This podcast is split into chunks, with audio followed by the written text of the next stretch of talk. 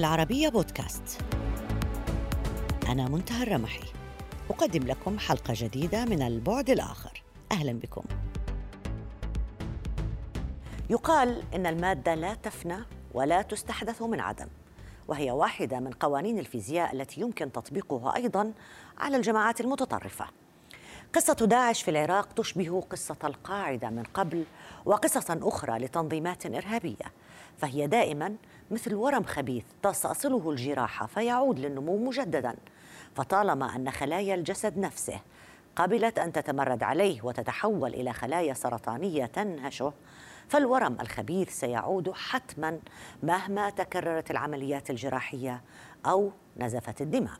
في العام الماضي وعندما سقط تنظيم داعش وانهارت دولته في سوريا والعراق وتم قتل زعيمه نشرت Foreign Affairs تحليلا حمل عنوان ISIS is already rising from the ashes.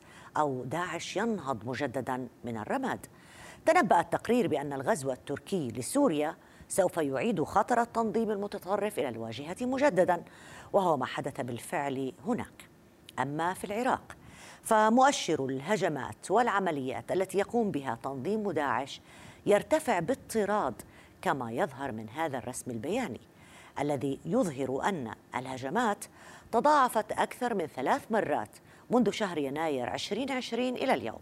فبعد أن كانت الهجمات 37 عملية تم تسجيلها في يناير أصبحت 138 عملية في شهر مايو. ولعل هذا يفتح الباب لمناقشة استراتيجية مواجهة الإرهاب في العراق حيث أرحب في هذه الحلقة بضيفي من بغداد الفريق عبد الوهاب السعدي رئيس جهاز مكافحة الإرهاب في العراق. أهلا بك معنا سيادة الفريق. مرحبا بك وبجمهوركم الكريم وبقناتكم الكريمة. أهلا بك سيادة الفريق. أه، هل في اختلاف أو تغيرت استراتيجية مواجهة داعش في العراق؟ يعني قبل قليل استعرضنا أنه في عام 2020 هناك تصاعد في عمليات داعش برغم من أنها ما زالت قليلة يعني إلا أنها تصل إلى 140 أه، حالة 140 محاولة. أه، هل تتغير استراتيجية محاربة داعش بتغير استراتيجية داعش نفسه؟ طبعا بالبداية هناك نقطة مهمة وأساسية يجب أن تكون واضحة للجميع أنه من أكبر التحديات التي تواجهنا في مكافحة الإرهاب أنه لا يوجد مفهوم واضح ومحدد وتعريف للإرهاب ومن هو الإرهابي. وهذا الاختلاف عام وفي كل دول العالم وقد وصل الاختلاف إلى ضمن الدولة الواحدة. هناك مؤسسات في الدولة الواحدة تعرف الإرهاب كل كل من يعرفه على وفق آه، رؤية معينة ولحد الآن لا كل المنظمات حتى على مستوى الأمم المتحدة لم تتوصل إلى تعريف محدد للإرهاب لكي يضع قانون لمكافحة الإرهاب. بالنسبة إلى استراتيجية مكافحة الإرهاب قبل لا نتطرق إلى استراتيجيتنا لو آه، نركز على عقيدة داعش واستراتيجيته بعد ما أعلن آه، المدعو المقبور أبو بكر البغدادي في عام 2014 عندما أطلق تسمية دولة العراق والشام الإسلامية هناك في عقيدته ثلاثة نقاط أساسية كان يركزون عليها ألا وهي حتى استخدم مصطلحات غريبة ولم آه، يجري التطرق إليها وهي النكاية والإنهاك والتمكين وإدارة التوحش. آه النكاية والإنهاك من خلال العمليات اللي يقومون بها خطف وتفجيرات وعبوات وأحزمة ناسفة لبث الرعب بالمناطق حتى يتمكن في المرحلة الثانية مرحلة التمكين وهي السيطرة على الأراضي ومن ثم تبدأ مرحلة إدارة التوحش من خلال استخدام وسائل التواصل الاجتماعي والإعلام لكسب متطرفين إضافيين وكذلك لبث الرعب في كل أنحاء العالم م. نحن في عندما تشكل جهاز مكافحة الإرهاب عام 2007 عقيدتنا في مكافحة الإرهاب كانت ترتكز على نقطتين أساسيتين. النقطة الأولى وهي المنع. آه، المنع من خلال إحنا ما نسميها بالأساليب الصلبة وهي استخدام العمليات العسكرية ضد المجاميع الإرهابية. والنقطة الثانية وإلا وهي الوقاية. الوقاية والتأهيل. الوقاية نقصد بها أنه كيف نمنع التطرف من الوصول إلى المواطن والمجتمعات المجتمع بشكل عام. والتأهيل هو إعادة آه، تأهيل تأهيل المواطنين الذين رزقوا تحت سلطة المجاميع الإرهابية أي. هل هذا هل هذا مهمتكم وحدكم آه. ك كمكافحة إرهاب ولا لازم تتضافر في كل الجهود الجهود هنا جهود الدولة عندما نقول وقاية وتأهيل للناس آه وهل يصح أن نقول أنه ما زال هناك ربما بؤر لداعش في العراق إذا اقتصرنا الحديث الآن عن التنظيمات الإرهابية بداعش بعيدا عن التنظيمات الأخرى نعم يعني إحنا خلينا نركز على موضوع داعش. بالنسبة إلى استراتيجية مكافحة الإرهاب وضعت حلول عديدة أكثر من 20 حل من ضمنها الخيار العسكري. وهذه الاستراتيجية هي من مسؤولية مستشارية الأمن الوطني ولكل وزارة ولكل منظمة سواء كانت داخل العراق أو خارج بعض المنظمات الدولية لها مسؤولية محددة. أضرب لك مثل بسيط يعني على سبيل المثال وزارة التربية مسؤولة عن إعداد المناهج اللي ما تثير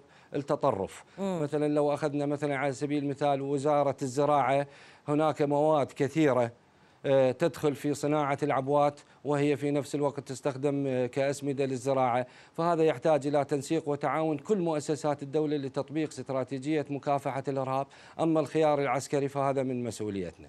بالنسبة للشق الثاني سألتي على أماكن تواجد داعش. يتواجد داعش الآن آه، في أربع مناطق مهمة من ضمن العراق. م. المنطقة الأولى وهي يستخدم المناطق الوعرة اللي تتضمن بالوديان والجبال. على سبيل المثال مثل وادي حوران أو وادي القذف أو وادي الحسينيات هذه الوديان اللي تمتد من العراق إلى سوريا وبمسافات بعيدة ووعرة جدا. ممكن أنه يتواجد بها مجاميع من الإرهابيين. وكذلك السلاسل الجبلية اللي موجودة داخل العراق مثل جبل مكحول أو مخمور أو كثيرة من السلاسل الجبلية اللي موجودة.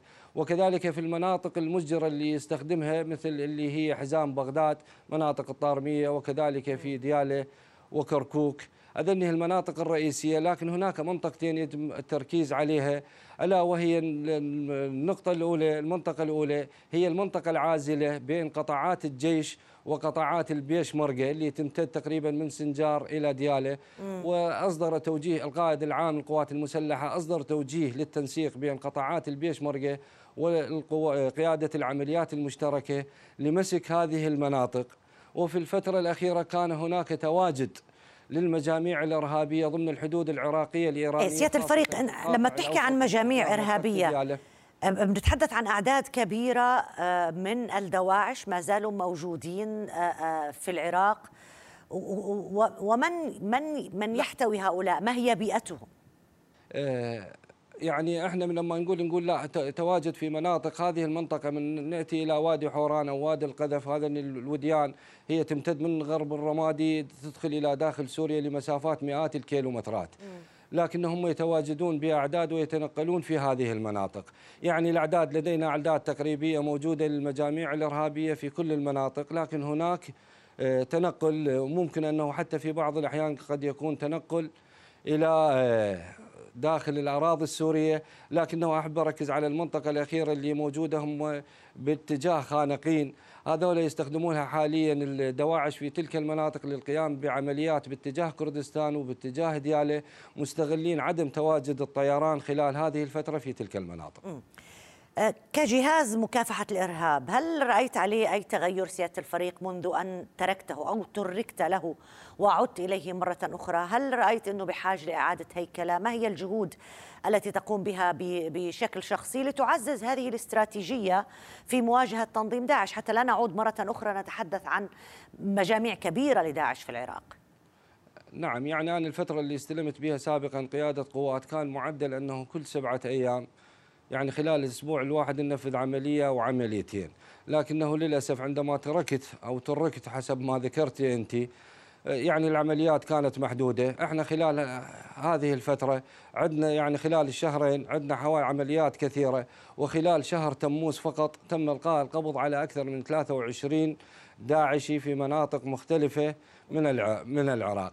عملياتنا مستمرة وكذلك هناك تنسيق مع الأجهزة الأمنية الأخرى حتى الواجب الأخير اللي كان في وادي الشايل اللي تم قتل ست أشخاص مهمين جدا وهم من العناصر المهمة في تنظيم داعش. أيضا تم قتلهم بواجب مشترك مع قوات التحالف وجهاز مكافحة الإرهاب. هذا يعني يدعونا للسؤال عن التنسيق بينكم بين قوات التحالف.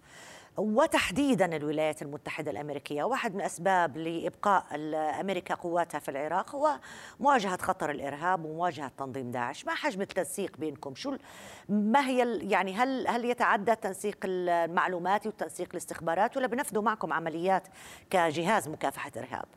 نعم يعني أكو فد مو موضوع يعني لمدة دقيقة أنه يجب أن نبين مصطلحات وتسميات موجات الإرهاب. هناك أربع موجات للإرهاب. تبدأ بالبسيطة يعني الابتدائية والمتوسطة والكبيرة والعاتية.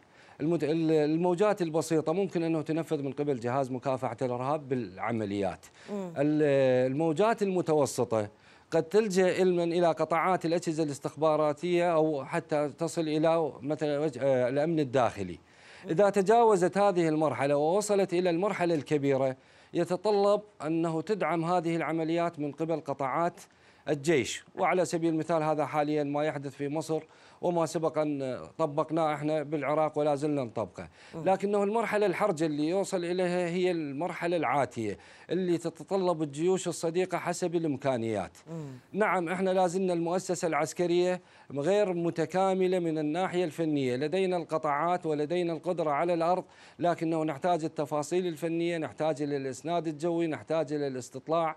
نحتاج إلى الأقمار الصناعية نحتاج إلى الطائرات المسيرة الفعالة. هذه توفر بالجهد وتوفر بالوقت وتكبد المجاميع الإرهابية أعداد كبيرة من الخسائر وبنفس الوقت تقلل خسائر قطاعاتنا، هذا الموضوع طبعا هو من صلاحية القائد العام للقوات المسلحة على ضوء رؤية تقدم له من مستشاريه الأمن الوطني للقرار على هذا الجانب.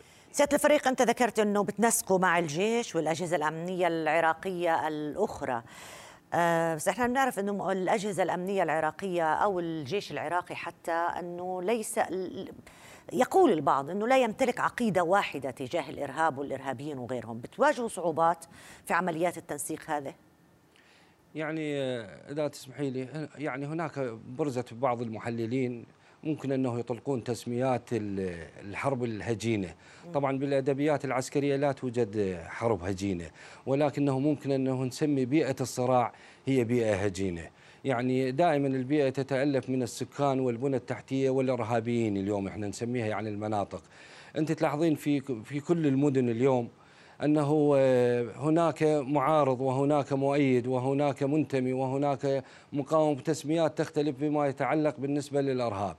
آه، النقطة الثانية الإرهابيين المتواجدين في بعض يعني في المناطق اللي قد يكونون من نفس المدينة أو من مناطق من مجاورة لكنه وصل الحد أنه يوجد من جنسيات خارجية. هذا أثر على الترابط الاجتماعي. آه، وكذلك بالنسبة للبنى التحتية وبالعمليات يعني العمليات ضد الإرهاب هناك خطوط حمراء بالنسبة للبنى التحتية اللي مثلا أماكن العبادة المستشفيات تفاصيل كثيرة. هنا بالعمليات تصير. طبعا أكيد راح تختلف بالنسبة للقطاعات.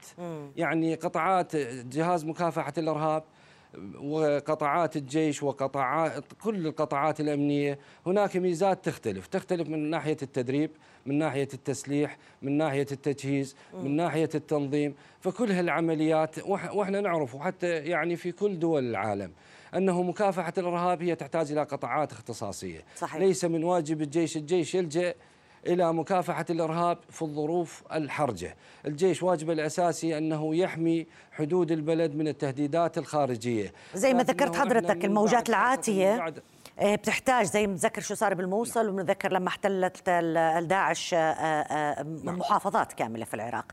ذكرت نقطة مهمة سيادة الفريق وهي الجنسيات الأخرى الموجودة من الدواعش يعني آه، في العراق. والحرب ضد داعش هي حرب استراتيجية وليست حرب تكتيكية يعني ليست حرب يوم واحد نتخلص منهم اليوم ويرجعون لنا بكرة. هل هنا وفي عدد كبير من هؤلاء ألقي القبض عليهم. هل هناك أي مهمة تتعلق فيكم وفق استراتيجيتكم أيضا اللي من 20 بند اللي حضرتك تحدثت عنها؟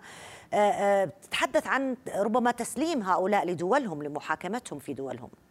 يعني هذا الموضوع موضوع المحاكمة لا زال موضوع يثير الجدل. هناك دول ترفض استلام الإرهابيين. وهناك دول حتى دول عربية الجزائر والتونس أسقطت الجنسيات وترفض استقبالهم. وهناك دول تطلب محاكمتهم داخل العراق أو داخل سوريا. فهذا موضوع سياسي بحت ويحتاج وهو موضوع قانوني يحتاج إلى نقاش طويل ولحد الآن لم يتخذ فيه القرار. يعني على سبيل المثال إحنا سلمنا لبعض الدول العربية وبعض الدول الأجنبية مجموعة من الأطفال والنساء بالعشرات.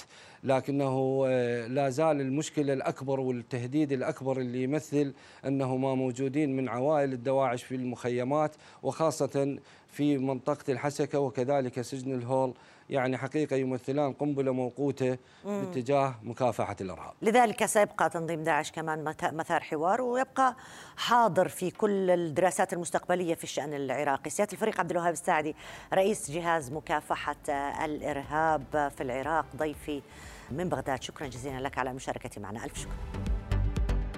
النقاط الساخنة حاليا في المواجهة مع تنظيم داعش تمتد من أفغانستان إلى إفريقيا جنوب الصحراء. نشاط العناصر التابعة للتنظيم في هذه المناطق يثير العديد من التساؤلات حول الحاجة إلى استراتيجية موسعة أو تحالف دولي يواجه تمدد داعش في آسيا وإفريقيا.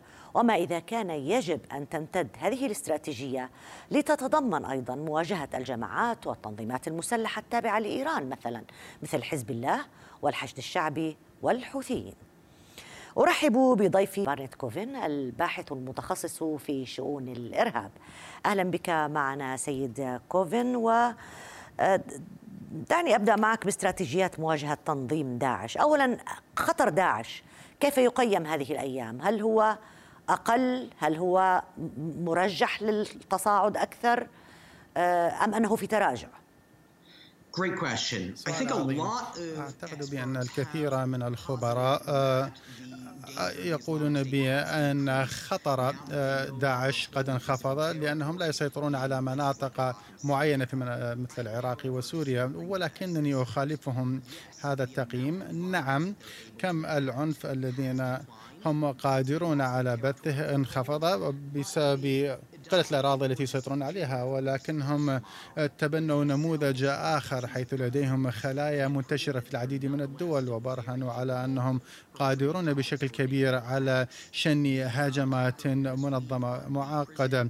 مثلا هجوم على السجن في جلال آباد من قبل داعش يبرهن هذه النقطة. أعتقد بأن التهديد وتقييمي هو أن طبيعة التهديد تغيرت ولكن لا أعتقد بأنه اضمحل بأي شكل كما ادعى الكثيرون؟ طيب هنا دائما ما كنا نناقش وما زلنا الحقيقة أنه هذه التنظيمات آه، الإرهابية تغير دائما في استراتيجياتها وحضرتك تذكرت نموذج جديد الآن في التعاطي مع مع هدفها الأسمى وهدفها الأكبر آه، التحالف الدولي الولايات المتحدة الأمريكية العالم الذي يحارب داعش. هل يغير هو أيضا استراتيجياته في مواجهة هذا التنظيم كما يفعل التنظيم؟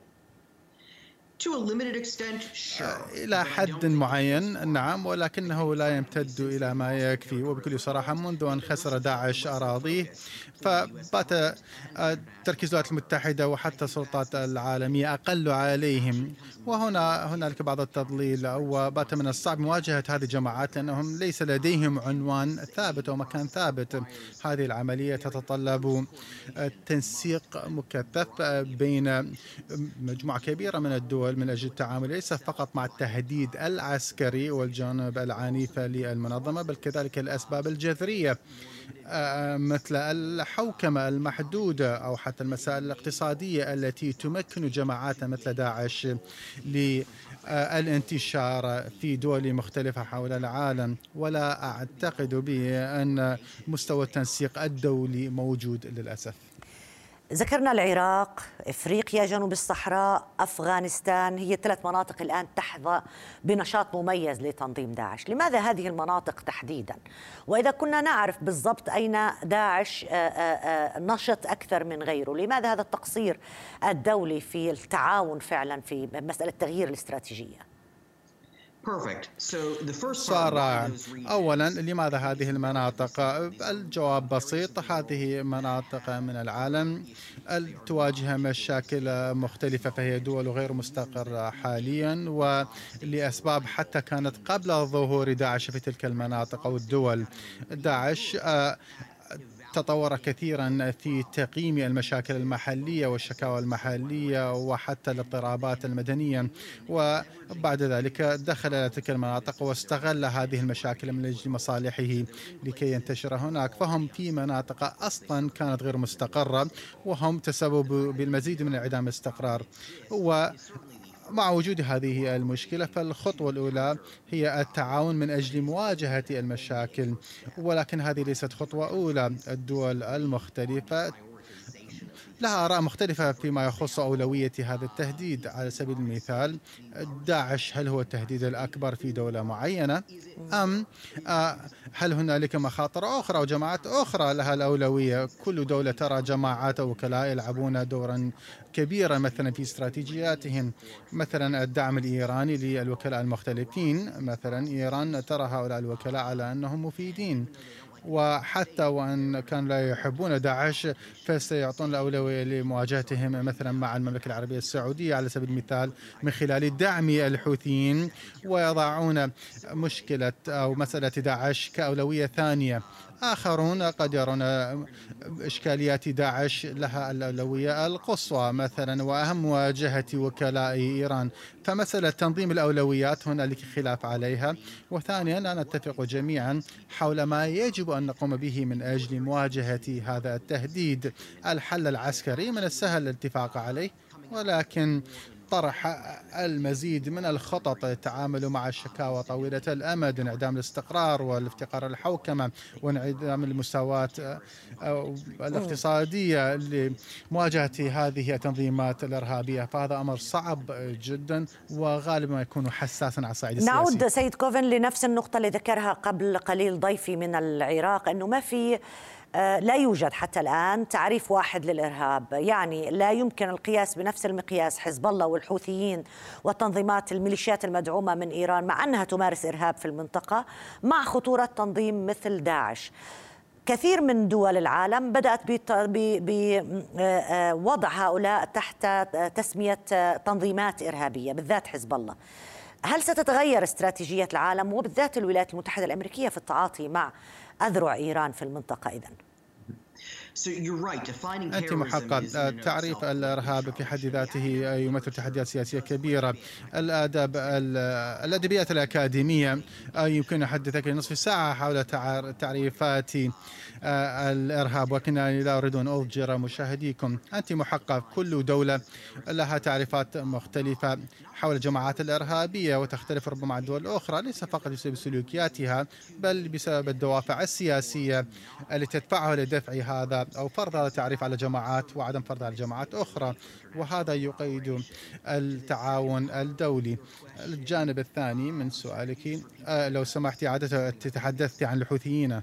عن ميليشيات إيران المسلحة سواء حزب الله ولا الحوثيين أو تنظيمات بعض من تنظيمات الحشد الموجودة في العراق. هؤلاء ينظر إليهم من قبل كثيرين على أنهم أيضا منظمات إرهابية حتى أنه بعضها صنف اوروبيا وامريكيا بأنهم إرهابيون. لماذا يتم التعامل معهم بطريقة مختلفة عن داعش والقاعدة؟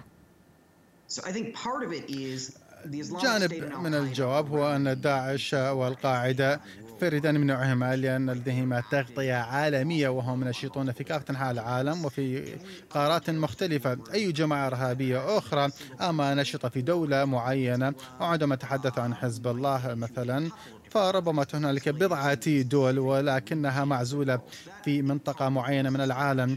هذا في حد ذاته هو الذي يصيغ الاستراتيجيات. جانب آخر هو نتاج أساليب أو سلوكيات هذه الجماعات تنخرط فيها. مثل حزب الله اللبناني مثال عن ذلك. وعلاوة على شن عمليات إرهابية فهم كذلك منخرطون في الحوكمة.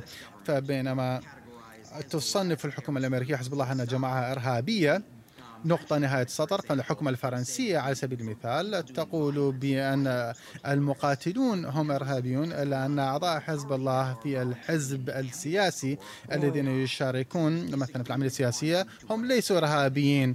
فمثلا حتى وصف الجماعات بأكملها إرهابية أم لا. هنالك خلاف فيها عند مشاركتها في نشاطات معقدة تتجاوز العنف مثل حزب الله. معك حق لأنه طالما في جناح عسكري وجناح سياسي وجناح مصنف إرهابي وجناح غير مصنف إرهابي يشارك في الحكومات من الصعب مواجهة مثل هكذا تنظيمات. سيد بارنيت كوفين الباحث المتخصص في شؤون الإرهاب شكرا جزيلا لك على المشاركة معنا. ألف شكر. وبهذا انتهت هذه الحلقة من البعد الآخر. تحية لكم وإلى اللقاء.